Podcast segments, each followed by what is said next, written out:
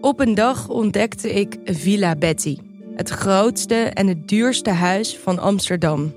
Ik had het jarenlang over het hoofd gezien, maar mijn buurman Kees niet. Hij ziet hoe zijn buurvrouw Betty op haar honderdste uit de villa wordt gezet en al haar spullen op een openbare veiling worden verkocht. Wie heeft haar dit aangedaan?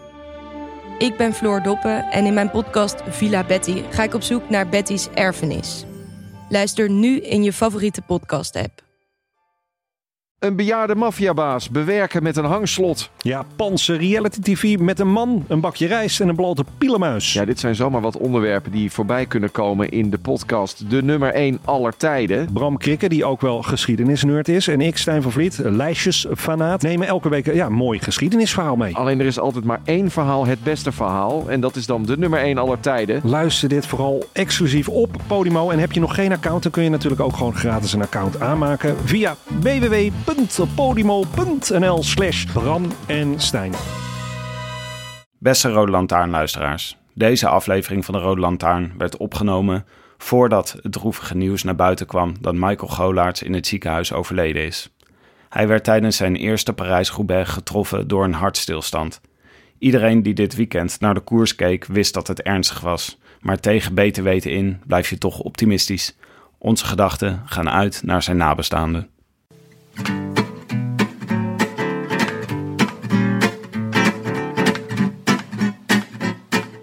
Het is zondag 8 april 2018. Het was het weekend waarop eindelijk de ramen open konden, de terrassen volliepen en de bloesems popten. Maar ja, er was ook koers op tv, dus bij ons gingen snel de gordijnen dicht. Weinig irritanter immers dan dat nare lentezonlicht dat op je beeldscherm schijnt. Live vanuit Amsterdam-West is dit de Rode Lantaarn, de wielerpodcast van Het is Koers.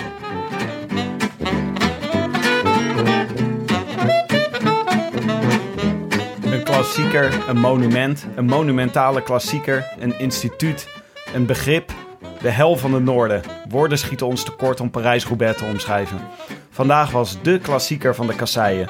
De koers van de krachtpatsers. Dat betekent valpartijen en lekke banden. Na deze koers kunnen we zeggen wie er een goed voorjaar had. Vandaag was het quickstep tegen het soepje. Iedereen zocht naar een strategie om de wolfpack van de Belgische formatie te dwarsbomen. En dan zal je net zien, als er twee honden vechten om één been, dan gaat een derde ermee heen. Uit het stof van de strijd kwam daar ineens de regenboogtrui tevoorschijn. Een prachtige winnaar. De eerste regenboogtrui sinds Bernard Hinault in 1981 wint op het velodroom in Roubaix. Peter Sagan. En dan gaat Sagan eronder door. Sagan zet aan. Sagan bijna tegen de blauwe rand. Sagan eh, van de kop af eh, perst hij er alles uit. Dan gaat hij Parijs-Roubaix binnen. Dat gaat hij inderdaad doen. De wereldkampioen wint Parijs-Roubaix. Tim, je bent er weer. Ik ben blij dat ik weer terug ben, Willem. Hoe vond je het? Je eerste Rode Lantaarn eh, aan de, op, de, op de reservebank? Nou, het was een zware week voor mij hoor. Want eh, normaal eh, ben jij altijd iemand die eh, gretig de luistercijfers bijhoudt. Maar nu was ik dat ook. Een beetje uit een soort van eh schadenfreude. Ik dacht, ja, dat is natuurlijk... wordt Ik niks. ben er een weekje niet en niemand luistert meer. Ja. Maar het werd, het werd geloof ik de best beluisterde uitzending ooit. Ja, het was, ik vond het wel echt shocking. Het zal iets te maken hebben met Nicky Terpstra, gok ik. Niet alleen met jouw eh, absentie. Nou, het was toch, het was eh leidzaam, eh, leidzaam toezien. ja, maar tegenover al het luistercijfergeweld zag ik tenminste één twitteraar die je, die, je, die je heel erg had gemist. Ja, Ja. godzijdank. Dat deed je goed, hè? Ja, dat deed me wel goed. Maar ik vond het, een, ik vond het uh, niettemin een ontzettend leuke uitzending vorige week. En wat ik vond toch het hoogtepuntje. Het hoogtepuntje vond ik misschien wel dat jullie het hadden over de spoorwegovergangen. Oh ja. En eh, Ja. dat dat precies deze Timing. week ja, ja. een issue werd. Heftig, hè? De Ja. Scheldeprijs, daar was het, eh, nou ja, niet zomaar een issue. Daar werd het gewoon, eh, daar werd gewoon het, het halve profpeloton uit koers genomen. Omdat ze daar, omdat ze de, de, na het rode licht toch nog de spoorwegovergang overgingen. Ja, maar het was niet alleen leuk, omdat jullie, jullie hadden niet alleen over toevallig over spoorwegovergangen, maar jullie zeiden ook, eh, ze, durfden, ze durfden niet om zo'n grote groep renners dan uit de koers te zetten. En dat is precies wat er gebeurde deze week. Nu durfden ze het wel. Ja, kennelijk, eh, kennelijk zijn we influentials geworden, Tim. In de koers. Zat jij te kijken naar die, naar die schelde? Ja, maar ik heb niet live dat moment gezien. Maar ik heb wel de Scheldeprijs gekeken, ja. De, de laatste 50 kilometer of zo. En ik kwam ook omdat ik, ehm, omdat ik, eh, ik had echt, ik had namelijk gedacht, Eh, ik was, ik was, iedereen was te veel overtuigd dat ehm, Kittel makkelijk ging winnen. En dat anders Groenewegen ging worden, of De Mare. En, eh, en dus ik had, ik, had, ik had gedacht, ik ga weer eens een gokje wagen. Dus ik had op Bert van Lerbergen gegokt. Oh ja, dit is jouw nieuwe, jouw nieuwe gokdrift. Het is mijn nieuwe gokdrift. Ja, Ja. Maakt- ik ben er nog niet uit of ik het, eh, of ik het, eh, of ik het een goed of een slecht idee vind. Misschien eh, als ik straks uh, bankroet ben, dan is het een slecht idee. Maar tot vooralsnog beleef ik er veel plezier aan. Maar wie is het? Bert van? Bert van Lerbergen. Ja, het is echt een beetje een, een B-sprinter. Maar die had zomaar dus gewoon eh, de- met in absentie van Kittel, want die kon dus niet bijhouden in de Scheldeprijs. En Groenewegen en De Mare waren dus uit koers gehaald. Dus toen was het, had het zomaar een verrassing kunnen worden. Die werd het ook wel, maar niet zo'n grote verrassing. Want Fabio Jacobsen won. Ja. Weer Etix Quickstep. Geweldig, geweldige overwinning even Leuk tussendoor. Echt, ik, ja, tof, echt heel tof voor. En eh, ik gun het hem ook wel. Ik vind het echt een leuke renner. Het is lekker brutaal en zo. Het is echt weer zo'n nieuwe Nicky Terpstra eigenlijk. Zo voelt hij een beetje. Misschien uh, nu we het toch over uh, Ethics Quickstep hebben, moeten we misschien even naar de rectificaties. Ja, want uh, Ethics Quickstep moeten we namelijk niet meer zeggen. Want daar werd ik, werd ik vrolijk op geweest door Hans Zende. Luisteraar van het eerste uur, Hans. Dus uh, shout-out naar Hans. En uh, die uh, ons tipte dat... die weet dus ook nog dat we aan rectificaties doen. Want we hebben volgens mij al een paar afleveringen niet meer gedaan. Onterecht, want fouten maken we genoeg. Maar um, die zegt... Jullie hebben het steeds over Ethics Quickstep. Maar Ethics is er niet meer bij. Het heet nu Quickstep Floors. Dus... Quickstep Floors. Quickstep zeggen. Natuurlijk. Quickstep, dan ja, zit je altijd goed. Ja, ja. Maar Quickstep Floors is de officiële naam. En vorige keer hadden we het ook, uh, waren Jonne en ik aan, natuurlijk aan het struikelen over hoe nou, hoe nou Cannondale AF Education First uh, heet. En nou, dit heb ik ook even opgezocht. Dat team heet officieel Team AF Education First Drapac Powered by Cannondale. Dus. Maar hoe, uh, hoe zou Kun je deze herhalen, Tim? ja hoor, Team AF Education First Drapac Powered by Cannondale. Ja. ja, ik vind dat echt geen enkel probleem. Nee, ik merk het. Hartstikke Gelukkig goed. ben ik weer terug. Ik had ook, ook nog een ander foutje gemaakt. Iets... Maar wacht heel even, Willem. Ja. Wat zeggen, wat, hoe ze, spreken die mensen van dat team dat zelf dan uit? Die zeggen gewoon Drapac of uh, noemen die nog nog... Ze zeggen toch niet... Je hebt toch een soort, net als Quickstep, je zegt gewoon Quickstep. En ja, niet... ik denk dat volgens mij is dan de, de usance is dan dat je de, als je het af wil korten, dat je dan alleen de eerste sponsor noemt. Dus dan, ik denk dat ze zelf spreken van AF Education First inmiddels. Oh, ja. Maar uh, ja, ik weet niet. laten we er eens op letten als we Sepp van Mark of uh, Taylor Finney in beeld zien en horen vertellen over een ploeg. Want het is de oude Cannondale, toch? Ja, het is oude, oude Cannondale, ja, precies. Die hadden gewoon even, die hadden geen zin om meer de volle map te betalen, dus hebben er nog 15 ja. andere sponsors bij. Nou, ja, volgens mij hadden ze dus heel veel, het begin van het seizoen heel veel gedoe en ge, over uh, of ze überhaupt nog door konden. Volgens mij is dat dus ook een van de redenen waarom Dylan van Baarle uiteindelijk wegging. En uh, leek het er even op dat die hele ploeg uit elkaar zou vallen. En kwam EF Education als een soort geschenk uit de hemel om, uh, om de salaris te betalen. En daarom konden ze de ploeg een beetje bij elkaar houden. Oké, okay. ja. nou mooi dat ze er nog zijn. Zeker. En um, mijn andere fout was iets gênanter, want ik had namelijk de geboortedatum van mijn dochter mis.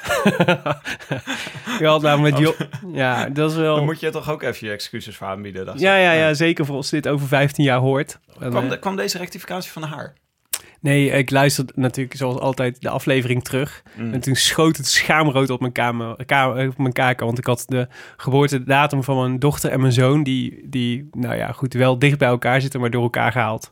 Ja, ja, in, ja dat kan natuurlijk niet. Nou, goed dat je het even gezegd hebt. Ja, precies. 4 mei is het feest. Niet 22 april, dan vieren we mijn zoons verjaardag. Oké, okay, uitstekend. Ja. Laat dat gezegd zijn. Zo is het. Tim, jij hebt een natje meegenomen. Natje en droogje. Um, natje, waar is een natje gebleven? Het droogje is een soort, uh, wat is het, brie? Ja, uh, een, no een nootachtige brie. Een nootachtige brie, uitstekend. En het natje wat daarbij hoort? Ik was, uh, is een Riesling, een droge Riesling. Oké. Okay. gewoon lekkere, lekkere wit wijn voorbij, voor deze zonnige lentedag. Riesling is Duits, toch? Ja, is wel Duits. Een Duitse druif. Ja, dat is eigenlijk niet echt... Passend. Rest, nee, niet echt passend bij vandaag. Nou ja, goed. Ik drink hem toch? Niet te min lekker. En ik dacht het brietje toch uh, gewoon even lekker voor de gelegenheid. Een droogje ook erbij. Uitstekend, uitstekend idee. Um, ik ga proberen om de, de nootachtige brie aan te snijden. Als jij nou het natje inschenkt, dan kunnen wij ondertussen even luisteren naar onze sponsor. Proost Willem. Cheers Tim. Op naar de koers. Zo is het. Parijs-Roubaix. Ja, we moeten... Nooit van gehoord. Wat voor koers is dit? ja, we, we, het hoort nou eenmaal bij het uh, concept van het programma, Willem, dat we altijd even de koers introduceren. Dus ook bij Parijs-Roubaix. Terecht. Gewoon nog heel even eh, waar we ons toch elke keer weer vrolijk over maken, is Ja. dat het toch raar is dat je het Parijs-Roubaix noemt, omdat Parijs de Nederlandse variant van het woord Paris is. Mhm. En Roubaix de Franse variant van het woord Roubaix. Robais. Oh, Roubaix. Mhm. Maar goed, dat is wel een beetje raar. Maar het is natuurlijk helemaal raar dat hij niet meer in Parijs start, maar Nee. in Compiègne. Ja. Dus eigenlijk zou de naam Compiègne Robais moeten eten. Ja. Sowieso een beetje raar, hè, dit voorjaar. Met Gent-Wevelgem die niet meer in Gent start. Ja. En de driedaagse, de pannen, niet meer een driedaagse is. Nee. Maar wel nog in de pannenkokzijde eh finished, volgens mij.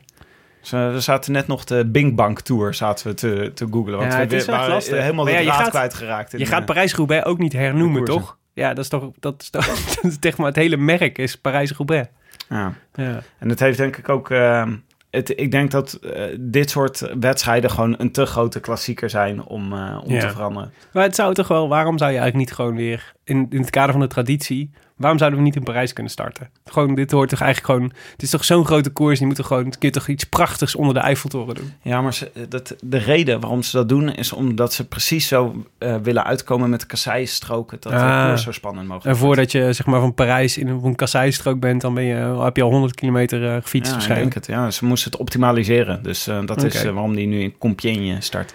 Parijs-Roubaix is natuurlijk al een naam die klinkt als een klok. Maar ehm daar zitten ook drie belangrijke... Eigenlijk, nou ja, er zitten nog, nog drie belangrijke... of drie namen in die klinken als een klok. Dat zijn namelijk de belangrijkste kasseistroken waar we langs gaan. Want dat is natuurlijk het kenmerk van Parijs-Roubaix... zijn de kasseien. Dat zijn de kinderkopjes. Of hoe, noem, hoe noemden ze het bij jullie vroeger in het dorp? Bij ons Ja, het kinderkopjes. Ja, kinderkopjes. Het is altijd een beetje een lugubere naam, vind ik. Maar het is een kinderkopje. Ja. En, ehm, en ja, dat, zijn, dat zijn drie belangrijke. Gisteren hadden we op onze Facebookpagina van de Rode Lantaarn al een prachtige foto gepost uit L'Equipe. Van eh, de, de, hoe de avond viel boven het bos van Valère. Dat is namelijk er eentje. Het bos van Valère-Arenberg. Schitterend ziet dat er altijd uit. Zonsondergang met zo'n eh, met zo'n zo'n zo'n bos met een één zo'n paadje erdoor. Ja, daar gingen ze vandaag overheen. De tweede is Mont-Saint-Pével. Dat is ook een... eh, een eh, en de derde, het Carrefour de l'Arbre. Zijn dat de enige drie, vijf sterrenstroken die, eh, die Parijs-Roubaix rijk is? Of zijn er nog meer? Eh, volgens mij zijn er wel meer vijf. eh, Zijn er, zijn, Maar deze zijn in ieder geval de bekendste vijf sterren. Ja, en, ehm, eh, en eh, wat dat is die klassificatie is ook nog wel belangrijk als je de koers gaat kijken. Want je hebt dus eh eh kasseistroken die nou ja, variëren in lengte van eh, volgens mij 50 meter tot, eh tot 3,5 kilometer. En eh, die krijgen sterren. Het, het eerste, ja, die krijgen sterren van 5 tot 1 ster. En 1 ster is een hele makkelijke. En 5 ster is echt, eh, nou ja, dat is alsof je, ja, hè, ze een vergelijking. Alsof je, alsof, ah, dan liggen alle schenen, stenen schots en scheef. En, ehm, eh, en ze tellen af gedurende de koers. Dus eh, je begint op eh, volgens mij strook eh, 32 en dan het laatste strook is strook 1. Dus dat geeft een soort van heel fijne, ander, normaal gesproken voel je de koers aan op, op, het, op basis van het aantal kilometers dat nog is. En hier voel je de koers, Parijs-Roubaix voel je op hoeveel, hoeveel st- kasseistroken er nog gaan komen. is ook in. Nou, ik heb, voordat we weer rectificaties krijgen, ik heb het even snel opgezocht. Oké, zijn er inderdaad maar drie oké. eh, vijf sterren stroken. En waren het ook deze drie? Ja, dat zijn deze drie. Wauw. En het zijn er 29 in totaal. Oké. Zoals, eh, net zoals bij de Ronde van Vlaanderen ehm, eh, begon de uitzending dus al bij de start. Zat jij al klaar? Nee, ik ben, ik ben ingeschakeld toen ze 40 kilometer onderweg waren. Oké. Dus toen was er al, de kopgroep was net... Die was al gevormd. Ja. Ja. Jij? Eh, ja, ook zoiets. Ik had, het was natuurlijk weer zo'n eh, zo'n waanzinnige sportdag. Dus ik zat, s ochtends heb ik, eh, heb ik de, de marathon van Rotterdam gekeken. Wat ook echt heel leuk is. Dat vind ik in ieder geval heel leuk. En, en daarna, toen eh, weet ik veel, toen eh, gefinished was. Ik was al een beetje aan het sappen, maar daarna ben ik echt ingeschakeld in Parijs-Roubaix. Maar toen inderdaad, toen was de kopgroep al, al weg. En daar zaten eigenlijk twee noemenswaardige renners in. Want die, waren, die, eh, die speelden later een, eh, een grote rol van betekenis. Jelle Wallace van Lotto Soudal. Ja. En, En Sylvain. Sylvain Dillier Ja, uit Zwitserland. Maar die Jelle Wallace, die zat gewoon al voor de derde keer in de vroege ontsnapping hè, in Roubaix.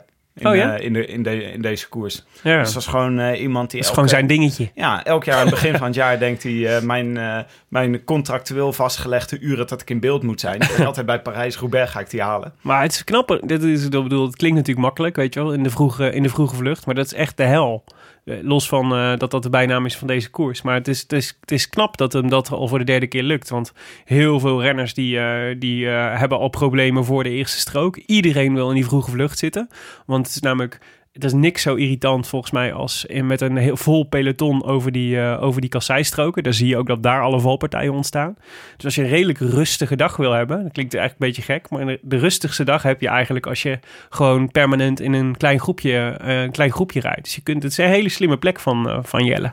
Ja, het is wel, met deze koers is toch wel ik vind elk jaar weer bijzonder dat je van tevoren wordt het ontzettend gehyped. De hel van de noorden. Mhm. Er gaat van alles gebeuren. Het wordt super zwaar. Er gaan slachtoffers vallen. En het gebeurt gewoon elk jaar weer. Ja, hè? Je weet gewoon, het was dit jaar ook weer vanaf de eerste kasseienstrook was het gewoon ja. koers. Ja. En er waren valpartijen en er vielen gewonden. En het is, het is echt de hel van het noorden. Ja. Ja, dus daarom moet je echt positie kiezen. Echt vanaf het begin. Er is gewoon niet zo dat je 150 kilometer lang gewoon even lekker bij kan praten met je teamgenoten. Ja, ja en het is gewoon eh, het is de koers waar je geluk moet hebben, maar vooral zo het, minste pech van allemaal. Want het is gewoon, eh, je weet zeker dat je een keer pech gaat hebben, of, eh, of meerdere keren, of dat je een keer valt of wat dan ook. En uiteindelijk komen toch de sterkste, de sterkste bovendrijven. Maar ja, de vraag is hoeveel, je, hoeveel energie je al kwijt bent geweest met het oplossen van de pech die je eerder hebt gehad. Ja. En eh, dat, was nu ook wel weer, eh, dat was nu ook wel weer het geval. Eh, maar op die eerste kasseistrook lag onze grote vriend Timo Rozen al, al erbij bijvoorbeeld. Ja. Wat echt jammer was, want ik had hem toch wel opgeschreven voor deze koers. Voor, niet voor, om te winnen, maar wel voor een mooie uitslag. Dat was echt een, echt een hele grote vorm. Ja, toen was al gelijk... eh, dat is echt zo dat je... Je bent zelf eigenlijk nog een beetje wakker aan het worden. Ja, Je hebt net ingeschakeld, eerste kasseienstrook. Ze zijn dan natuurlijk ook ontzettend aan, het, eh, aan de spanning aan het opbouwen. ja. En eh, ja, toen kwam de eerste kasseistrook. En ook gelijk valpartij. En ja, het was echt een grote, flinke valpartij ook. Zeker. Dus het was wat later inderdaad Trentin en Langeveld en Christophe lag er een keer bij. En, ehm, eh, maar de, het, het beeld van de dag van de valpartij was toch wel een iets nadere. Die, eh, of een iets nadere, een heel veel nadere. Michael Golaerts, jongen van, hoe heet een team ook alweer? Van waar, eh, waar Ja, ehm, Wout van Aert. rijdt Wout van maar. Aert van rijdt. Ja, nou, die had in ieder geval, eh, die lag in één keer op de grond. Die zagen we ook in beeld. De motor reed er langs. Ehm, ik dacht dat hij, nog, eh, dat hij op dat moment nog bewoog, maar wij spraken het net even voor. En jij zei eh, dat hij, eh, dat, of jij dacht dat hij stil lag. Eh, maar die jongen had een hartaanval gekregen op de fiets. Dat is natuurlijk echt wel. eh, dat Ja, is- het, gebeurde buiten, het gebeurde buiten beeld. Het was in een soort van afdalingje. Ja, En eh, nou ja, het verhaal is dus dat hij op de fiets een hartaanval kreeg en daardoor viel. En er zijn wel, er zijn soort van beelden van, dan zie je het een beetje zo eh zijdelings, zie je het gebeuren. Ehm, Verandas Willems heet zijn ploeg trouwens. Maar goed. ah ja.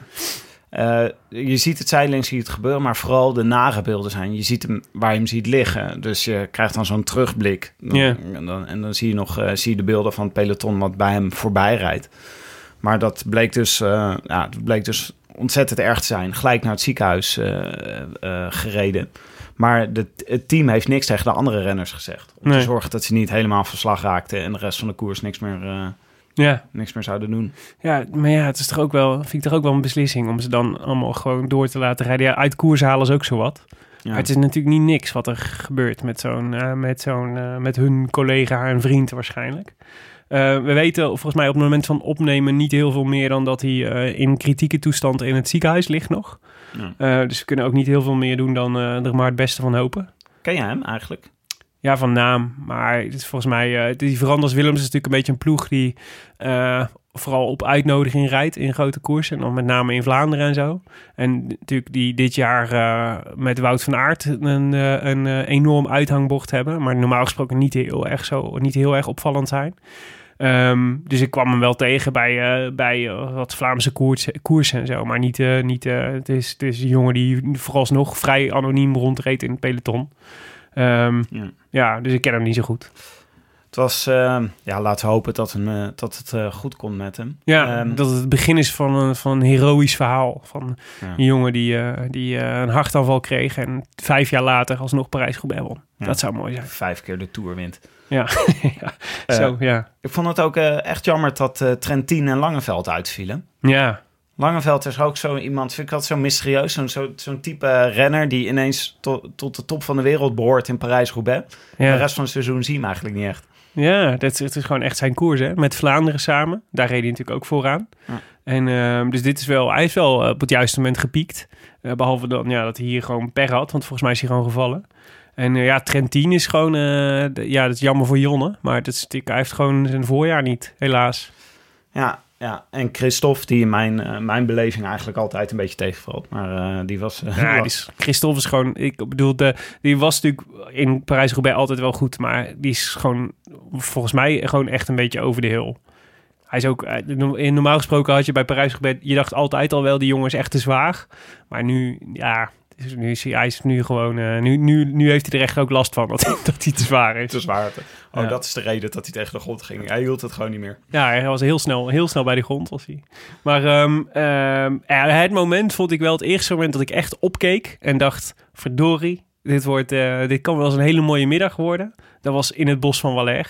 Ja. Ik, eh het is sowieso een prachtige aanloop altijd naar het bos. Als je altijd die, dat gevecht om de posities. Ja, ja, ja. En dan, eh, en, dan, eh, en dan, wat je wil natuurlijk niet als, als in, de, in, de, in de massa in dat, dat, dat bos indraaien. Want je weet zeker dat er een paar gaan vallen. Of een paar bidons gaan stuiteren. Of iemand in het publiek haakt of weet ik veel wat. Dus de, laten we zeggen, de eerste vijf posities zijn goed. Wie dat overigens super knap deed, de hele koers lang, was Niki Terpstra. Die reed volgens mij de hele Ja. tijd zo top 5, eh, top 7. eh, en dat was heel knap. ja, gewoon vooraan blijven zitten. Ja, maar wie zagen we daar, eh, wie zagen we daar naar de kop komen en gewoon brutaal weg, wegspringen? Mikey Teunissen. Mikey! Ik wil nog heel even daarbij zeggen dat ik zag dat bos dus aankomen. En ik, ik moest even een boodschap doen. Dus ik, ik, ik dacht, ja, haal ik het nou net? Weet je, ben ik nou net op tijd voor het bos terug? Maar toen, je kan natuurlijk ook gewoon op je telefoon kijken. En in het zonnetje lopen met je koptelefoon op en op je telefoon naar koers kijken... is echt de perfecte manier om koers te kijken. Zo liep hij door Amsterdam. Zo liep ik naar Amsterdam. Dat Oké. was echt heerlijk. Dan ben je niet tegen een paaltje aangelopen of zo. Nou, het is wel een beetje gevaarlijk. bent Valpartijen veroorzaakt op het fietspad. wel overgestoken. Vrij, eh, vrij blind overgestoken. Gewoon... Ja, ik vind dat het, het overige verkeer moet er maar gewoon eh, respect voor hebben dat jij hier Parijs-Roubaix aan het kijken Ja, bent. Ja, Ja. gewoon even stoppen. Zo is het wel. Maar Mike Teunissen ging dus. En eh, dat vond ik echt, dat was een indrukwekkende demarrage. Die jongen Ja. was eh, wel vrij vroeg nog. Eh, Er was nog 90 kilometer te gaan. Ik dacht wel, oké, dit is een beetje...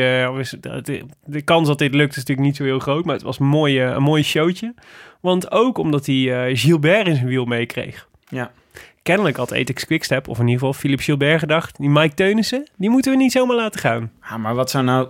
eh, is 90 kilometer. Dit is al rond half drie 's middags is dit. Ja. Ja. er is nog 90 kilometer te gaan. Ja. Waarom ga je... Wat was het idee van Gilbert om dan al te gaan? Dacht hij echt dat hij 90 kilometer zijn eentje naar de finish zou gaan rijden?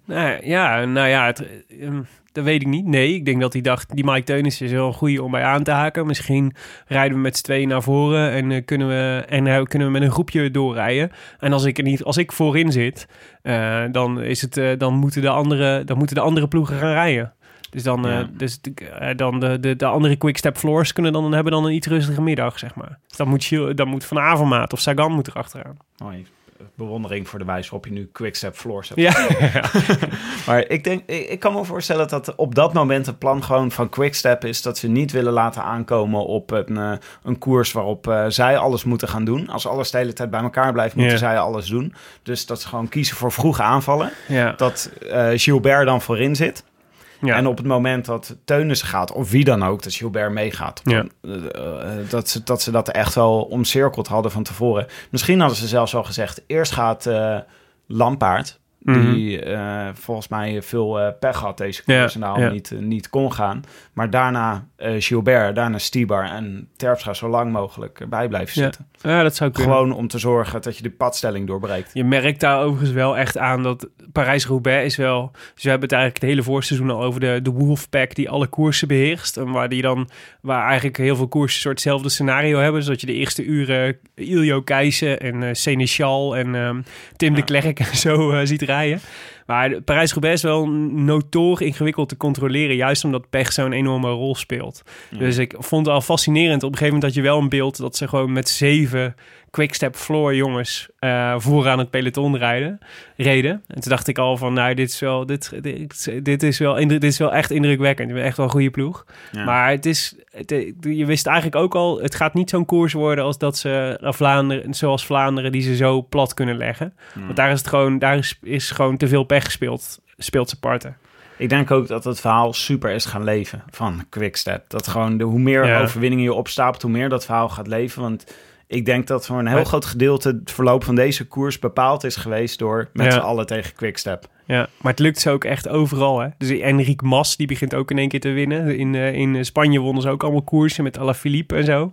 Het echt eh, Eigenlijk is Seneschal de enige die niks... eh, nog steeds. Ja, arme, arme Florian. Nou ja. Wat, wat vlak na was Gilbert en Teunissen bleven niet zo heel lang eh, vooruit. Nee, maar mag ik wel. Dus Te- Teunissen was, ik vond hem dus nog even. Hij was wel echt sterk. Ik vond het Mhm. echt een nummertje. En wel eh, heel vroeg. En we hadden het in de vorige uitzending hadden we het over, ehm, hadden we het over ehm, Pascal Eekhoorn. Die, eh, die in de, in de Ronde van Vlaanderen ook in het, in de, die zat in de vroege vlucht. En die was, die was duidelijk de sterkste van die groep. En die ging een beetje showen. En dit was Ja. bij Mike Teunissen dacht ik, ik dacht ook. Ehm, eh, je had, ja, als je, als je zo sterk voelt, had je denk ik nog iets langer moeten verbergen. Eh, want dat was, dan, had je, dan had je echt mee kunnen rijden voor de ereplaatsen. Maar het was wel, het was wel ik dacht, de Conde wordt wel echt eh, een, een, onze nieuwe klassieke renner, wordt hier geboren. Even met je spierballen rollen. Even met je even laten zien wat hij kan, ja. En die jongen heeft echt een stap gemaakt dit jaar. En misschien wel twee. En ehm, Stiebach, daar wilde je naartoe. Ja, want vlak daarna... Want eh, Gilbert en uh, Teunissen werden eigenlijk vrij snel weer eh, teruggepakt. En toen ging ineens Stibar ging 20 seconden voor het groepje uitfietsen. Ja, En dat hield hij best een tijdje vol. ja. Terwijl ik echt, ik dacht echt van, kijk, de, een onderdeel van die tactiek is natuurlijk dat je Stibar vooruit stuurt en dat je denkt, nu moeten de andere ploegen hem gaan halen. Maar de andere ploegen denken zo ver voor de finish, denken toch, ja, laat hem maar lekker rijden. Ik bedoel, dan smijt hij met zijn krachten en Ja. we zien hem vanzelf wel een keer. Daar Ja. ga ik niet op rijden. Nee, en ja, dat, daar hadden ze gelijk in, in dit geval. Want Ah. Stibar hield het niet vol. Hoewel die, eh, ik, eh, het- ik geniet altijd wel van zijn stijl hoor. Je kunt echt zo zien dat in dit soort koersen dat het een crosser is geweest. Geldt voor Teunissen trouwens ook, hè. Dat is ook een, eh, een oud veldrijder. Het is echt iemand die heel gew- gewend is om met slechte ondergrond te rijden. En Wout van Aert natuurlijk ook. Dus je ziet dat soort jongens komen vaak toch wel in dit soort koersen bovendrijven. Maar bij Stibar zie je dat ook wel heel goed. Dat hij precies weet in welk gultje die moet rijden en zomaar eigenlijk zomaar zes, zomaar 10 centimeter nodig heeft aan een beetje vlak, zeg maar, om, om gewoon recht, daar recht overheen te kunnen rijden. Terwijl heel veel andere renners die gewoon minder goed zijn op, eh, op, met dat werk, zeg maar, dus de, de Spanjaarden vooral, die hebben daar vooral last van. Die, ehm, eh, die denderen van de ene steen naar de andere. Ja, Ja. dus het was eh, deze Stibar mooie stijl, maar hij plofte, ja, hij plofte vrij snel weer, vond ik. Ja, hij is Het is niet zijn voorjaar. ja maar het, hij was, hij kwam ook de hele tijd weer terug. Hè? Hij zat ook de hele tijd achter het groepje. Ja. En, eh, dan eh, sloot hij weer aan en eh, hij is niet eens zo heel slecht gefinished. Nee. En, eh, toch helemaal opblazen deed hij niet, blijkbaar. Nee, nee, zeker. Maar ja, goed, hij bleek, kon niet voorblijven. En dat is toch wel ook, ook wel het gevolg van dat je alleen rijdt... en dat er gewoon een groep achter je rijdt... die net even iets hoger tempo kunnen ontwikkelen. Dus het is best lastig. Hij ging ook vrij vroeg natuurlijk. Wat denk jij dat, dat hij voor, denk je dat hij voor Terpstra reed? Stibar. Ja. Ja, ik denk dat het zo is zoals jij zei bij Gilbert. Dus volgens mij proberen ze gewoon om... eh, om ze proberen al hun troefkaarten uit te spelen. Ik denk zeker dat, eh, dat Terpstra gewoon de grote man was vandaag. Dus dat ze dachten, dat moet hem... eh, dat is in principe onze sterkste. Maar als je nog drie anderen hebt die ook, die ook heel goed kunnen zijn... Nou ja, je zei het al, volgens mij... eh, ehm, eh, Lampaard was, eh, had heel veel pech. Dus die kwam sowieso niet echt in het stuk voor. Maar Stibar en, eh, en Gilbert hebben we natuurlijk wel gezien. En dat zijn natuurlijk ook geen misselijke renners. Dus die kunnen, het, die kunnen het ook wel afmaken. Dus ik denk Ja. dat ze gewoon dachten, we gaan het gewoon proberen. We gaan gewoon de koers hard maken en kijken hoe ver we komen met deze jongens. En, dan, en daarna hebben we dan altijd nog, kunnen we altijd nog de kaart Terps gaan spelen. Ja, onze, onze producer Jonne zit hier natuurlijk ook gewoon weer aan tafel. Ik was toch ook even benieuwd wat jij van de, van de strategie van Quickstep maakte. Want jullie hebben het vorige week veel over gehad. Wat vond je van vandaag? Nou, ik denk eigenlijk... eh, leuke discussie tot nu toe. Eh, maar Maar de- het ligt net iets anders. Nou, ik, mis er, Nee, ik denk eerlijk gezegd dat ehm, er onderling bij eh Quickstep Floors eh, ook een strijd is. Mhm. Want eh Terpstra heeft het gewoon heel slim gedaan. Die is misschien ook wel de sterkste. Maar die ging elke keer ook wel op het juiste moment weg. En Gilbert was elke keer dan derde. En volgens mij was Gilbert daar een beetje ziek van. En volgens Ah. mij Stibar ook. Lampaard weet dat hij gewoon echt de minste is. Maar die andere twee, die willen ook wel graag winnen. Dus, Dus- je- ze gingen expres vroeg om Terpstra eh, te snel af te zijn. Ja, ik denk dat er, dat er onderling ook wel iets van strijd is. Want ze doen wel enorm van ja, Wolfpack en dat soort eh, eh, verhalen. ook, ja, het is natuurlijk echt een teamsport wielrennen. Maar uiteindelijk komt er maar één iemand als eerste over de finish. En eh, ja, dat was denk ik tot frustratie van Stibar en Gilbert toch wel erg vaak ook Terpstra. Ja. Het zijn allemaal mensen, hè. dat blijkt maar weer. Mensen Ze- en mannetjes. Maar ze tweeten zelf ook met hashtag Wolfpack. Hè? Ja. Dat, is ook gewoon, eh, dat is blijkbaar iets wat ze zelf ook zo aan het framen zijn. Ik denk wel dat het klopt wat je zegt. Want ze willen natuurlijk ook de wind uit de zeilen nemen van, de, van, van critici. En dan zeggen, nee, dit is geen competitie. Dit is allemaal, dit, wij zijn een perfect geoliede machine. Ja, maar het kan, het kan ook allebei zijn, hè. Dus het is natuurlijk... Het is de, de- ik geloof ook wel dat er maar een beetje gezonde concurrentie maakt... het natuurlijk ook allemaal stukken beter. Dus ze zijn in ieder geval allemaal hongerig als wolven, volgens mij, om te winnen.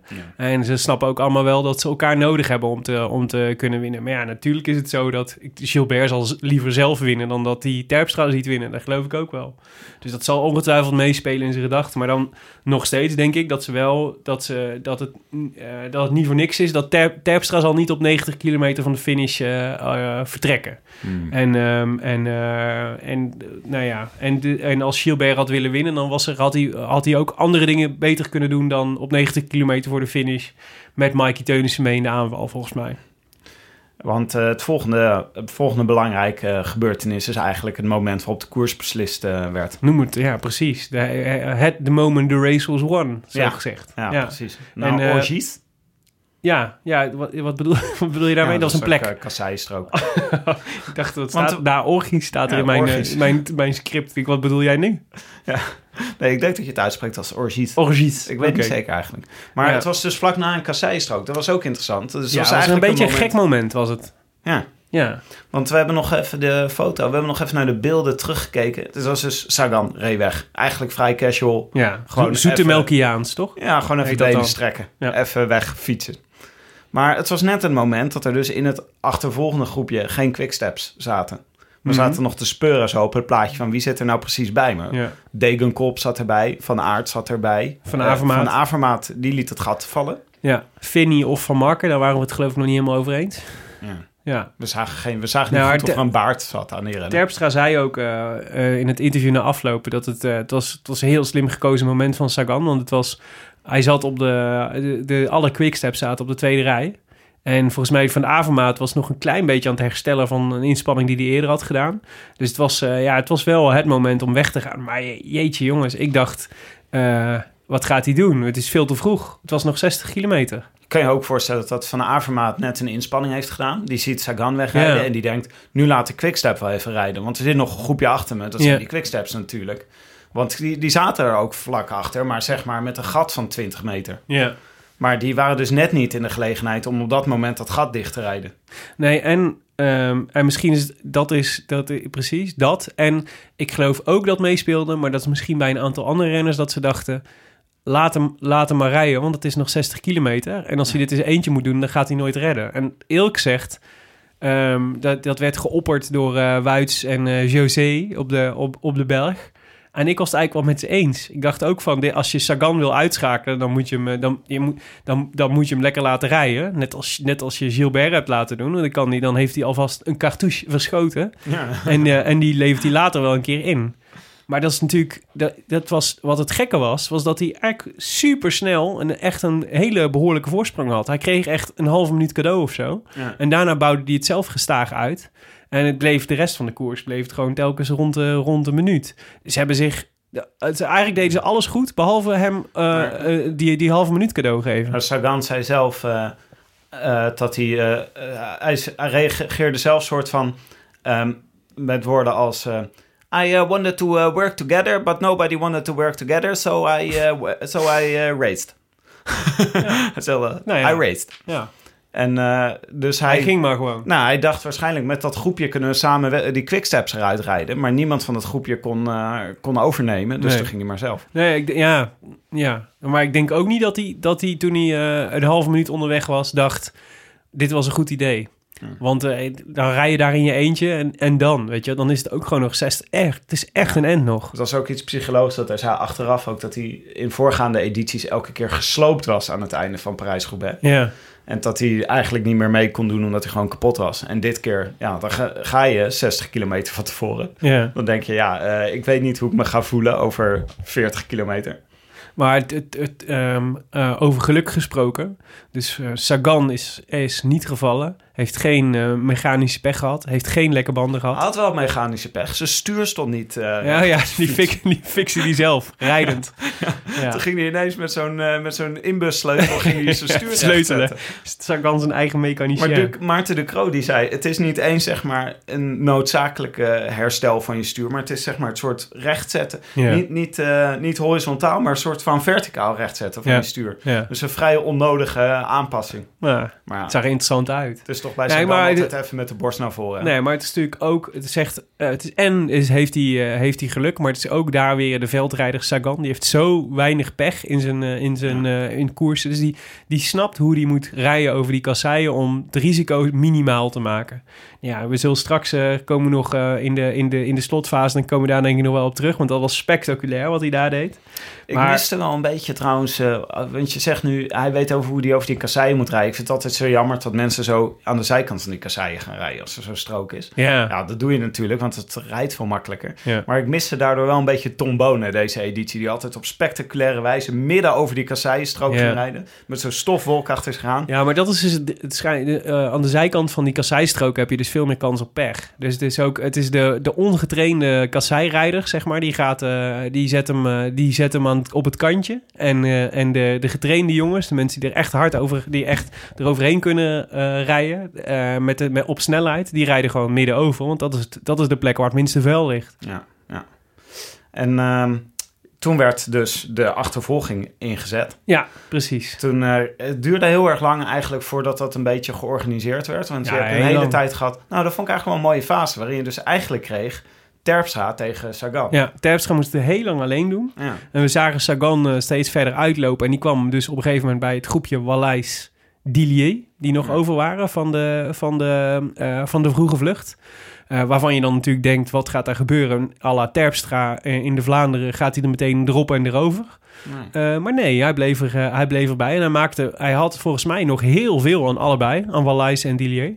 Die werkte ook nog heel veel. Ja. Eh, en dat, daardoor konden ze, konden ze redelijk makkelijk overeind blijven... tegen de achtervolgende groep... waar alleen Terpstra maar aan het werk was. Ah, je, zag de, je zag de dynamiek in het voorste groepje was gelijk heel erg... Sagan doet de kasseienstroken. Ja, En die andere twee helpen op het vlakke mee. ja. Maar Nou, hij deed wel echt 70% van het werk, hoor. In zijn ja, eentje. ja, maar in de achtervolgende groep zag je gewoon... Ik was, eh, raakte echt gefrustreerd met Van Marken. Ja. Die volgens mij ook nog heel goed bij zat. Maar dat is altijd, weet je... Hij is altijd een veel te nette renner... die te veel werk doet en zich een hij beetje... had zich overduidelijk, overduidelijk voorgenomen om dat niet te laten gebeuren. Ja, nu deed hij dat niet. En als hij gewoon geholpen had met eh Terpstra... als zij gewoon met z'n tweeën een beetje overgenomen hadden... dan, eh, dan was het gat misschien kleiner geworden. Maar Ja, Terpstra zijn eentje... Echt een groepje klasbak, hoor. Terpstra, Stuyven, Van Marken van Avermaat. Ja, Dus echt, eh, de- dit waren gewoon de, de favorieten bij elkaar, eigenlijk. Ja. en de, op een gegeven moment ging die organisatie ook wel lopen. Ja. Maar ze konden, ze konden gewoon niet tegen Sagan op vandaag. Nee. Want het was niet alleen maar slimheid van Sagan. Het was ook gewoon dat hij supergoed was. Absoluut, ja. Maar voorin eh, gebeurde dus... de- dus de, de, de achtervolging duurde heel lang voordat hij op gang kwam. Voorin eh, loste, eh moest Wallais na een, lange, na lange inspanningen... Die jongens hebben echt 200 kilometer op kop gereden. Ja. Dus het was niet zo raar, maar Wallais moest eraf. 200. Dat is niet zeg maar een... Nee, echt, nee, echt nee, 200. echt 200 kilometer. Meer zelfs. En ehm moest Wallais eraf. En bleef Dillier, verrassend genoeg, vond ik, eraan haken bij, eh, bij Sagan. En hij kreeg hem niet af. Ja, het was, eh, ik vond wel spectaculaire, sp- spectaculaire beelden. Vind ik ook dat eh, dan eh, de voorste groep reed al op een kasseistrook. Ja. De achtervolgers reden nog op het vlakke. En toch liepen ze uit. Ja. Dat is toch al, eh, dan, eh, dan reden zij echt on- Zeker, ontzettend ja. goed. Sagan, Want het ging ook op een na anderhalve minuut. Hè? Ja. Nee, maar Sagan reed super, laat dat duidelijk zijn volgens mij. Dat was echt, dat was echt indrukwekkend. Maar ik vond Dillier, dat is toch wel interessant wat daar gebeurde. Hè? Want er wordt dan vaak over, eh, over nagepraat met wat, wat gebeurt er dan met Dillier en Sagan. Dus, eh, dus daar wordt gepraat onderling. En, eh, en Sagan heeft natuurlijk iets aan Dillier als, als, vlucht, als vluchtmakker. Dus die, die heeft er niet per se iets aan om, om al te vroeg alleen, alleen al het werk te moeten doen. Dus hoe, hoe langer je Dillier erbij kan houden, hoe beter het eigenlijk voor zijn kansen ook is. Tegelijk is het altijd natuurlijk een risico om iemand, er, eh, om iemand er altijd bij te houden. In je eentje weet je zeker dat je wint. Met z'n tweeën ehm, eh, is er altijd nog een kansje dat die, ander, eh, dat die ander gaat winnen. Maar ik, was toch, ik had toch heel graag de conversatie tussen Sagan en Dillier meegekregen. Want ik vond het, en wij zaten te appen tijdens de finale, het is toch lastig inschatten wat daar de afwegingen zijn.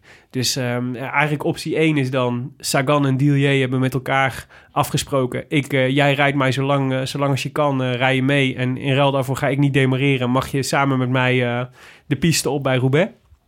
En, ehm, en optie 2 is dat hij gewoon niet beter kon. Ja.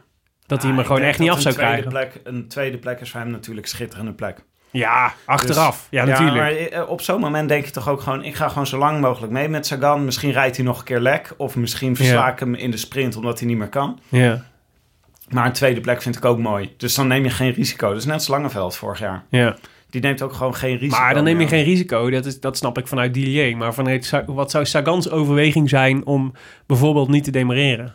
Ah, hij, probeerde, hij probeerde één keer te demareren. Ja. Eén keer probeerde hij kreeg hem gewoon niet af. Nee, dat, toen, toen ging het niet. Maar hij vertrouwt ook op de sprint natuurlijk. Want hij is gewoon Sagan een supergoeie sprinter. Ja, ja maar ja, Dillier als piste, piste ervaring. Dat zag je ook, hè? hij duwde hem naar boven in de, in de vond ik heel mooi. In de, Ja. in de, in Het was echt een, eh, het was echt Echt een een, baansprint. baansprint. ja, ik dacht nog even, ze gaan, ze gaan surplassen. naar beneden. Ik dacht, ze gaan surplassen. Wel, maar echt fantastisch geleken als ze dat hadden gedaan. Maar Ja, helaas. de sprint was dus wat, wat je ervan verwachtte. Ja, precies. Maar dan nog eventjes, dus wat had... ehm, want ja, dit is natuurlijk een beetje, dit is een beetje mijn stoppaardje, Ja. geef ik toe, hè. Je Maar- vindt dat Dillier had moeten winnen? Nee, ik vind er wat ik vraag me af, wat, wat, hoe had hij kunnen winnen? Dus wat had hij moeten doen om... Wat ik fascinerend vond, daar moesten we, dat moeten we misschien eerst even melden. Dus die laatste kasseistroken, daar was Sagan echt een duivel. Dus Sagan reed voor, voor eh Dillier. Dillier noemde Sagan ook een duivel. Ja, maar Achteraf. hij was het ook echt. Want wat hij deed, Sagan, volgens mij... en Ik weet niet of jij dat ook zo hebt gezien. Maar Sagan reed echt op het randje. Dus hij reed echt langs eh, eh, verkeerspalen, langs doorkuilen, door, eh, door het, op het slechtste deel van de weg. Omdat Dillier zat de hele tijd soort 30 centimeter van zijn achterwiel vandaan. En had dus, heeft dus minder snel, heeft dus dan daardoor automatisch een lagere reactiesnelheid. En volgens mij was hij hem echt aan het proberen om hem, om hem te, te laten crashen. Of om, of om een lekker band aan Ja, te smeren, ja, zeg ja. maar. Dus dat was, ik was super slim en tegelijk echt dacht ik echt, dit is Met zo intens gele- gemeen. Met al die gele soort eh, markeringen langs de zijkant... waar ze dan de hele tijd vlak, hij reed iedere keer al reed hij er vol, vol op. En op het laatste moment trok hij zijn, eh, trok hij zijn, eh, zijn stuur naar links. En ja, ik vond het wel heftig om te zien hoor. Het was echt, het was wel echt. Nou ja, ik bedoel, het, is, het hoort er natuurlijk bij. Maar het is, het is wel, het, ik vond het een boeiende strategie van Sagan wat hij daar deed. Ik had nog niet zo vaak zo gezien dat het zo letterlijk geprobeerd wordt om een, om een renner een, eh, een, eh, een, eh, iets aan te smeren. Nou, of het pech was- aan te smeren. Ja, of het was nog net een iets mindere variant. En hij dacht, ik probeer een gaatje met hem te slaan... door het parcours zo ontzettend op de randje te rijden. ja. Dus door elke keer, weet je wel, die hindernissen op te zoeken... en te hopen dat daarom Dillier een Ja. klein gaatje li- liet. Nou, om, laten, we, om laten we dat de, positieve uitleg noemen van deze situatie. Maar het is gewoon. Sagan natuurlijk. Hij wilde hem doodmaken. Ze draaiden dus met z'n tweeën de, de, de velodroom op. En inderdaad, het is, de, de Dillier ging, boven, ging, bo- hing bovenin heel lang. En, eh, en eh, Sagan knalde dan natuurlijk zoals, vol, in, in, zoals iedereen verwacht had. Dat gebeurde eigenlijk ook. Hij knalde er gewoon overheen. sprint? Ja. Nee, Dillier kon gewoon niet meer. En Sagan is natuurlijk gewoon een betere sprinter. Dus dat was het. eh. En dus won Sagan zijn, zijn tweede monument. Na de Ronde van Vlaanderen heeft hij ook Parijs-Roubaix gewonnen. Flitste ook niet even Eike Visbeek door je hoofd? Die zei van, eh, hij wint te weinig monumenten. Ja, nee, oh, niet. Nee, Eike Visbeek flitste niet. Die flitste door mijn hoofd toen, die, eh, toen Mikey Teunis ging demareren. Maar niet, Ah, ja. eh, niet toen. maar het klopt. Ja, nee, dat is waar. Dat was altijd de kritiek op Sagan. Hij wint te weinig monumenten. Nou, hier uh, Parijs-Roubaix. ontzettend blij. Normaal doet hij altijd alleen... Ja. Kijkt hij een beetje zo cool en steekt hij een vingertje in de lucht. Maar hier was het gewoon brullen. Hij was geprikkeld, denk ik ook. Hè? Dus, dus Tom Bonen is toch is zijn idool. Dat zegt hij ook altijd. En die had, die had hem een sleper genoemd in de afgelopen week. En eh, omdat hij kritiek had gehad op de, op de, op, eh, de mannen, of de, de, Van Avermaat en de Nasus en de Van Marcus, die niet achter, eh, niet de, de Quick, de, de Quickstep Floors, sorry, Quickstep Floors achterna wilden rijden. En hij noemde hem dus een sleper. En, ehm, eh, en eh, zoals Tom Boom had, eh, had Sagan zo genoemd. En ik had het idee dat hem dat ook wel, dat hij de behoefte had om te bewijzen dat, hij, dat, dat hij meer was dan dat. Wat we natuurlijk allemaal weten, dat hij veel meer is dan dat. Ja. Maar dat is, volgens mij is dat zo'n type motivatie als dat, weet je, bij voetbal heb je toch ook wel dat dan de, de, de, de trainer vooraf van de tegenstander iets stoms heeft gezegd en dat dat dan de trainer van de tegenpartij dat dan gebruikt om zijn mannen extra te motiveren. Ze zeggen dat jullie helemaal niks kunnen. Is ook natuurlijk Laten we het tegendeel bewijzen. Hij is natuurlijk ook een flinke macho natuurlijk, Sagan. Die is gewoon snel, eh, snel op zijn ego getrapt. Absoluut. Ja, maar dus Sagan 1, Dillier 2. En wie zagen we daar alsnog als derde in zijn eentje het velodroom binnenfietsen? Ja, er was, had een demarage plaatsgevonden die Nou, we niet dat gezien hadden hebben. we niet gezien. Er was geen camera bij. Terpstra kwam ineens... Had eh, drie Belgen gelost.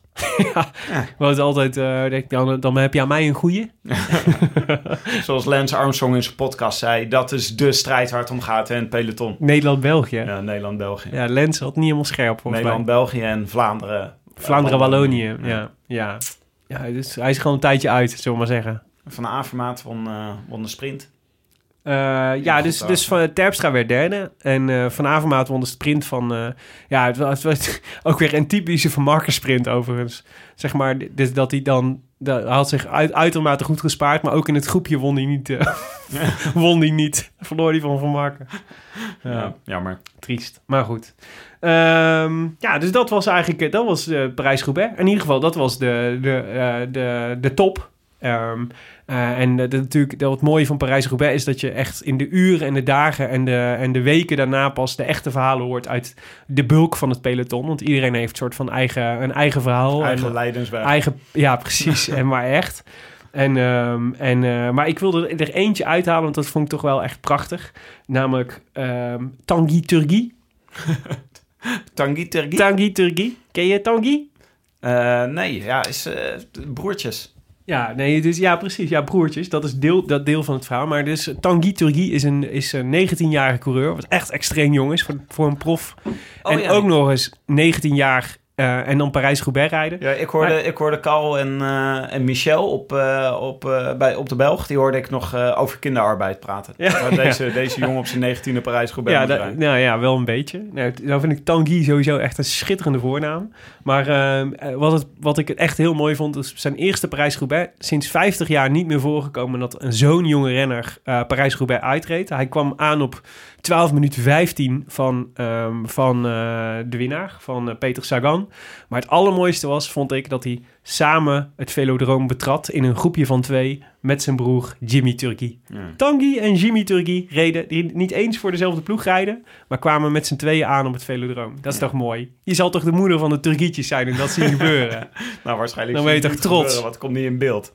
Nee, nou, dan zit je... ah, nee, ik denk dat de moeder van hun wel in het stadion heeft gezeten. Ja, Ja. ja, ja en zag en, en haar hart, ik denk dat ze als, als, als een van de weinigen nog hard, keihard aan het applaudisseren was. Jullie zijn wel bezig met de moeders, eh, want vorige week ging het ook over de moeder van Seneschal. Seneschal. Seneschal. Ja, Ik dat dacht vind ik gewoon eh, belangrijk. De Seneschal van Sagan is trouwens zijn broertje. hè?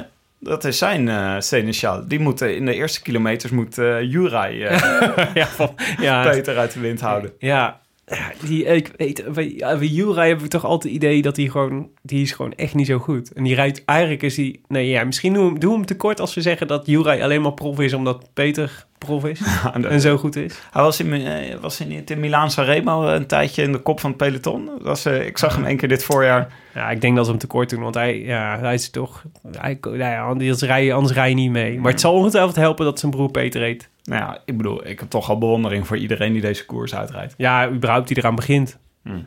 ja, goed.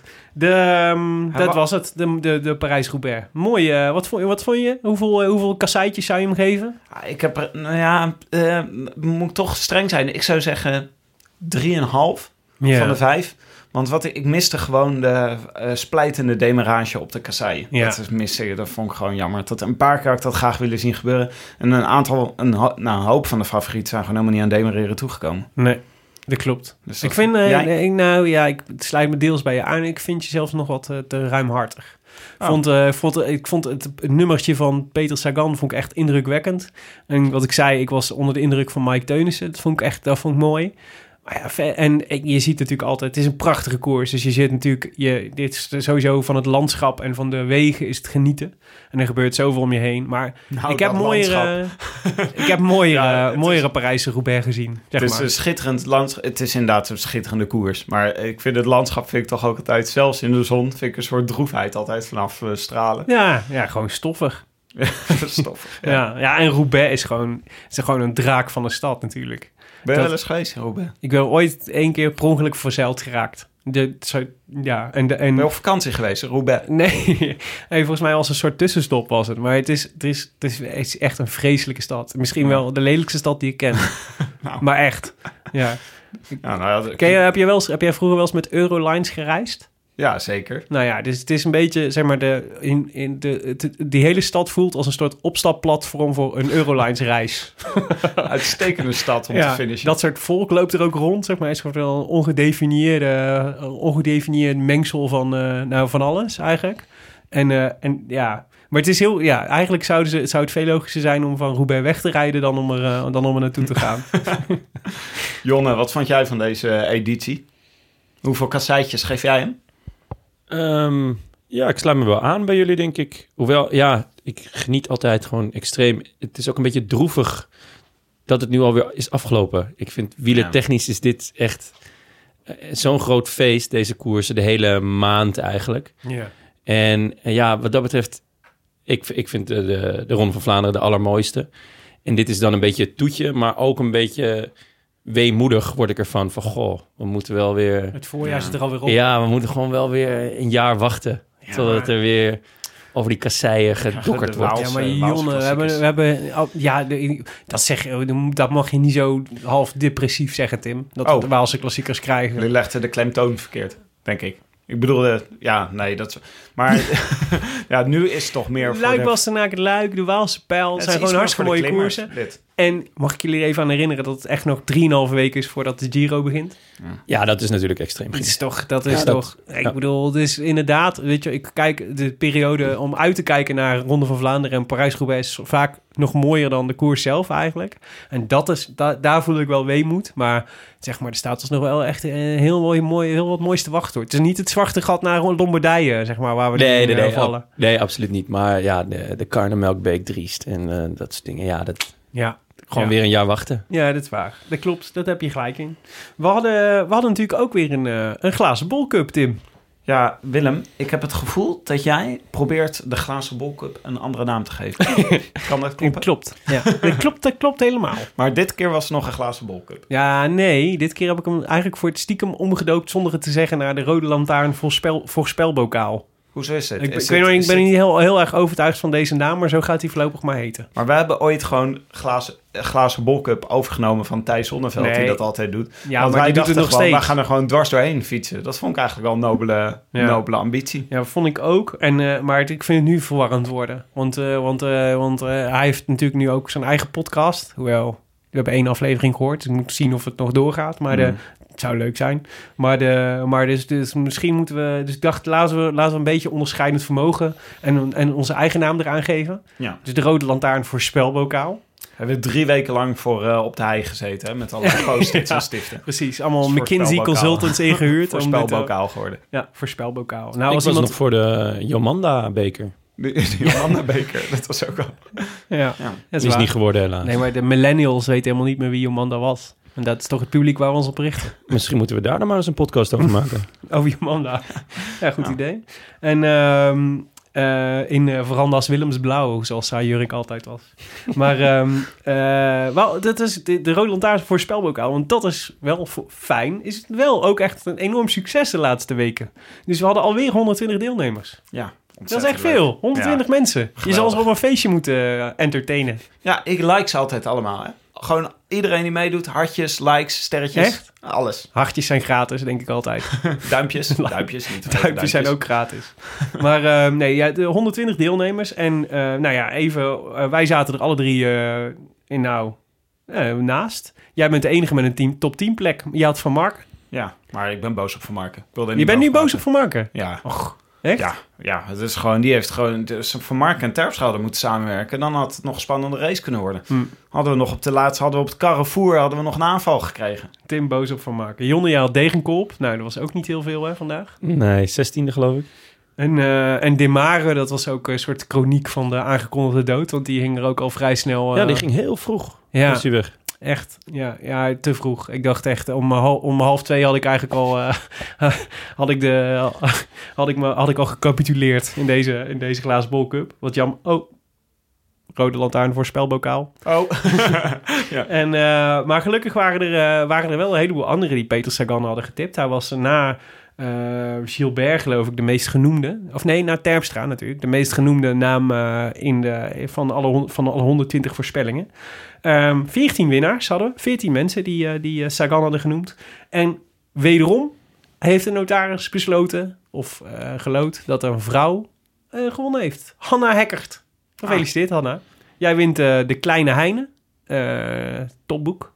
Nee, dat andere boek wat jij had.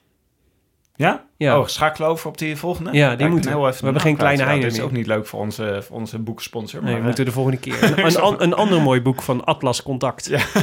Over wielrennen. Dat win jij. eh, ik ga hem even, eh, En, eh, en, ik ga hem het, even opzoeken. en het affiche van mysportmoment.com. Die, ehm, dat is een website waar je allerlei hele mooie designs kunt krijgen. En die hebben een soort, eh, een soort alternatief wedstrijdaffiche voor deze Parijs-Roubaix gemaakt. En ehm, die eh, sturen we je ook op. Ik zag dat de, de, het wedstrijdaffiche dat eh, vorige week door Marjolein Kamscheur gewonnen was... al met een fotootje op Twitter stond op haar, op haar schouw. Dus het is echt een mooi ding. Dus Oh. dat is tof. Oh, mooi. Dat vind ik goed om te horen. En meedoen kan vanaf, nou, ik denk morgen of overmorgen weer op onze Facebookpagina. Facebook.com slash de rode lantaarn. En dan kun je Oh, alweer een het. affiche winnen. Wat? De onzichtbare Mel van David Cov- Coventry. Oh, Zo heet het boek. waar gaat dit boek over? Ja, eh, Eh, ja, daar kom ik ook nog op terug. Al dus onze literair redacteur. maar ehm, eh, ja, precies. Meedoen dus facebook.com slash de rode lantaarn. En dan kun je ook weer deze prijzen winnen. Waaronder ook dit boek weer, want daar hebben we er twee van geloof ik, toch? Ja. De onzichtbare mijl van Dus David dit gaat over de, ah, ah, ja, precies. Ja, dit gaat over de Amstel Gold Race. Ja, Wie heb jij opgeschreven, Willem? Voor de Amstel. Ik, heb, eh, ik ga toch weer. eh, Ik ga terug naar de Wolfpack. Julien Alaphilippe heb ik opgeschreven. Oh ja, die, die rijdt ook nog rond bij de Wolfpack. En hij reed eh, goed in Baskeland. Hoewel net niet goed genoeg voor, eh, om eh Primoz Roglic te verslaan. Maar goed, Hmm. goed genoeg om hem eh, hier op te schrijven. Dus ik heb, eh ik heb eh, Alaphilippe. Hmm. Jonne? Ik ga weer terug eh, naar mijn boy, Ties. Ties Benoot. Ties Benoot. Ja, ik eh, heb Hij nu was gewoon gewoon een op paar... stage. Ja, ik heb nu een paar keer verloren. En dat voelt, eh, ja, dat voelt heel matig. Ja. Dus ja, dan maar gewoon weer voor zekerheid kiezen. En dan is het eh Ties Benoot. Het zou, eh, Dus kom aan, Ties. het zou tof zijn. Standje erbij. Ja, het zou, Ties kan dus ook gewoon die, eh die eh kasseienritten kan hij eigenlijk ook gewoon. Hè? Maar Ja, dat is hij nog heeft- beter. Hij heeft zelf over de Amsterdam Gold gezegd dat dit de koers is die hem het best ligt. Dus Ja. Oké. ik ben heel benieuwd. Nou. Ik Tim? eh, denk dat Valverde gewoon alles gaat winnen vanaf nu tot de Giro. dus eh, dat, eh, daar zit ik op Maar hij was vandaag ook weer... eh, liet hij, wie liet hij ook alweer winnen? Amador. Amador, ja. Hij was gewoon weer de sterkste. Voor overal voorspeld dat hij ging winnen. En hij, was, hij liet Amador liet Ja. hij, liet hij de, de bloemen halen. Deed down voor de koers, vind ik Ja, dat. ik vond het mooi. Ik vond het sympathiek van Alejandro. Ik denk dat hij hem nog wel een keer nodig gaat hebben namelijk. Zo, win je dat, zo doe je dat. Nou, goed. De Rode Lantaarn op Facebook. Liken en eh, meedoen. Dan eh, maak je kans. En 1 op, eh 1 op 120 tegenwoordig. Maak je kans. Ja, het is wat minder dan vroeger. Maar ja, zo gaat het met een goede luisterpubliek. Hè, Tim? Ja, ja, eh, nou ja, na deze week weet ik het niet meer. Maar goed, Zeker. U luisterde naar de Rode Lantaarn, gepresenteerd door uw favoriete bankzitters Willem Dudok, dat ben ik, en Tim de Gier, dat is Tim. Eh, en geproduceerd door Jonne Seriese van Dag en Nacht Media. Wij danken hetiskoers.nl, onze favoriete wielerblog van Nederland en Vlaanderen, en ver daarbuiten. En Shimano Benelux voor de sponsoring. eh, ja, wil je reageren op deze uitzending? Eh, op Twitter zijn je te bereiken via Willem Dudok en Tim de Gier. En abonneer je op iTunes, of laat daar eh, in ieder geval even een reviewtje achter. Dat vinden we heel leuk. Die Vinden wordt we echt heel leuk. door WhatsApp ook altijd onmiddellijk naar elkaar. Er is weer een nieuwe review. Ja, hebben we er nog één? Ja, ja, zeker. Nee, we hebben er, we hadden, ze gaan best wel goed de laatste tijd. Dus eh hulde voor onze luisteraars, want dat is mooi. Ehm, wel ook eentje met een beetje kritiek. We hebben onze tweede vier sterren recensie gehad Oh, van, in ons leven. De Ik- eerste is, die staat me er nog bij, van Marieke Monde. Die heeft ook een vier sterren recensie. zie je, dit onthoud jij Dit onthoud ik, ja. Al die vijf sterren recensie, die, gaan, die, die verdwijnen allemaal in, niet in het grote niet. Maar met een vier sterren recensie val je zeker op. Het is net als een beetje bij, eh, bij ehm, als, je een, eh, als je een Ubertje neemt. Dan moet je toch ook altijd een rating achterlaten. Ja. Waarbij dan vijf sterren is dan... Ik heb een, ik heb een aardige taxirit gehad. En één tot en met vier is... Ik, ik, Ik vond het verschrikkelijk. ja, ik wil je en ik ontneem deze taxichauffeur nu de kans op een, eh, op een basisinkomen, zeg maar. Want die wordt ontslagen straks als hij, niet, eh, als, hij niet, eh, als hij minder heeft dan vijf sterren. Maar Robert de Pop Dat vond dus, het dus verschrikkelijk. ja, die vond het wat- verschrikkelijk. Daarom gaf hij vier sterren. En schreef, jongens, wat is er gebeurd? Ik hoor dit jaar ineens een overvloed aan termen als vet, chill. En wielrenners zijn ineens me boy. Eh, we hebben het toch gewoon over de koers. Laat je niet meeslepen in deze modernisme, want weet dat traditie iets anders is dan conservatisme. Of ben ik gewoon oud aan het worden? Ja, dit is dus echt de schuld van Jonna. Ik ben één aflevering weg en Ja, het eh, stikt van de chills en de vets en mijn boys. Hij zei net Guilty. weer me boy. Guilty as charged. Ja. Ja, Wie, wie is je boy? Benoot. En Dat zal hij ook altijd blijven hoor. Het spijt me op. Nou, laten we, dan voor, laten we dan afspreken dat we voor Ties Benoot dit soort termen mogen blijven gebruiken. Maar dat voor alle andere renners dat we, dat we termen als Jotton blijven, blijven Misschien hanteren. kunnen we de volgende aflevering helemaal in het archaïs. Ja, Het archaïs Nederlands. Neo, Robber de Bob. We, vonden het een, eh, we, vinden het, eh, we, vinden, we vinden alle recensies leuk, dus ook deze. We nemen het ter harte. En ik vind vier sterren echt nog best wel goed eigenlijk. Toch? Het is beter dan, dat wij, eh, dan het aantal kasseitjes dat we deze Parijs-Roubaix gaven. Ik bedoel maar. Ik vind vier sterren vet chill. En, het was niet iedereen is er, eh, is er negatief over. Want namelijk van Cornelis G. kregen we vijf sterren. En die schreef deze podcast vult de leegte die Mart en Dalida achterlaten. En voelt nu al even nostalgisch aan als luisteren naar de tour met de wereldomroep. Je boy Jonne mag vaker meedoen. Oh wauw, die had ik nog helemaal niet gezien. Ja, daarom Wat leuk zeg. Wie is dit? Daarom heb ik... ik ehm, Dus ronduit Jonne genieten. S. Oh nee. Is dit mijn moeder? Cornelis. Zit, Ik zit weet die nu ook eh, Weet op je, iTunes? Als je moeder Cornelis G heet, dan, eh, dan zeker. Nou, dat Nee, zou maar dat eens is een... eh, eh, vijf sterren. Dat is mooi. maar Maar wat leuk. Uh, blijf eh, reviewen, want dat vinden we hartstikke mooi. En het is een hele goede manier voor anderen om ons te ontdekken. En dat hebben de laatste tijd heel veel mensen gedaan. Want we gaan echt lekker met de luistercijfers. Dat moet jou toch verheugen als uitgever van Dag en Nacht Media. Ja, zeker. En ik vind het ook gewoon superleuk dat er zoveel mensen meegokken elke keer. En net zo vaak het fout hebben als wij, Willem. Ja, dat is fijn. Ja. Ben je toch Goed om te eh, weten ben dat wij niet groter zijn dan ons, eh, dan ons publiek. Nee, en, eh, en eh, ik dacht, omdat, het, eh, omdat het, eh, dat, we gaan natuurlijk richting de Giro en dan gaan we weer meer dingen maken. En we willen heel graag nog wat iets meer groeien in luistercijfers. Want dat, nou ja, dat is leuk om, eh, omdat we het vinden dat het leuk is als veel mensen luisteren. Maar het is ook fijn voor sponsoren en zo. Want dan hebben we weer meer geld en dan kunnen we weer meer, eh, dingen, meer leuke dingen maken. Dus als jullie luisteraars nu allemaal Meer morgen... snoepreisjes. Naar Meer de ronde van Abu Dhabi volgend Ja. jaar. Nee, ik heb gelezen dat de Giro in Tel Aviv start. Oh ja. Ja. Two cities, one break. Ja, die, ja, precies. Nou, die willen we heel graag als sponsor. Daar hebben we iets meer luisteraars van nodig. Dus als jullie nou allemaal morgen tegen een vriend vertellen hoe leuk de Rood Lantaarn is, dan zijn wij ook weer gelukkig. Toch? Ja, Willem. Dat was Kapper mee. Dit was het. De Parijs- Franse klassiekers. Parijs-Roubaix. Ja. En, eh, maar wij zijn er volgende week weer. Niet getreurd. Want volgende week is de Amstel Gold Race. En eh, koers op eigen bodem. Altijd mooi, altijd spannend over die Limburgse heuvels. IJzeren Bosweg. Ja, zie al? Nou, het is ook een mooie naam, vind ik. Voor een, eh, voor een eh, toch? Be- beter nog dan het bos van Valère. Nou, weet ik niet. Nee, maar wel goed. IJzeren Bosweg. Anywho, eh abiento. Abiento. just being here without you. wish I could be in the south of France. In the south of France, sitting right next to you.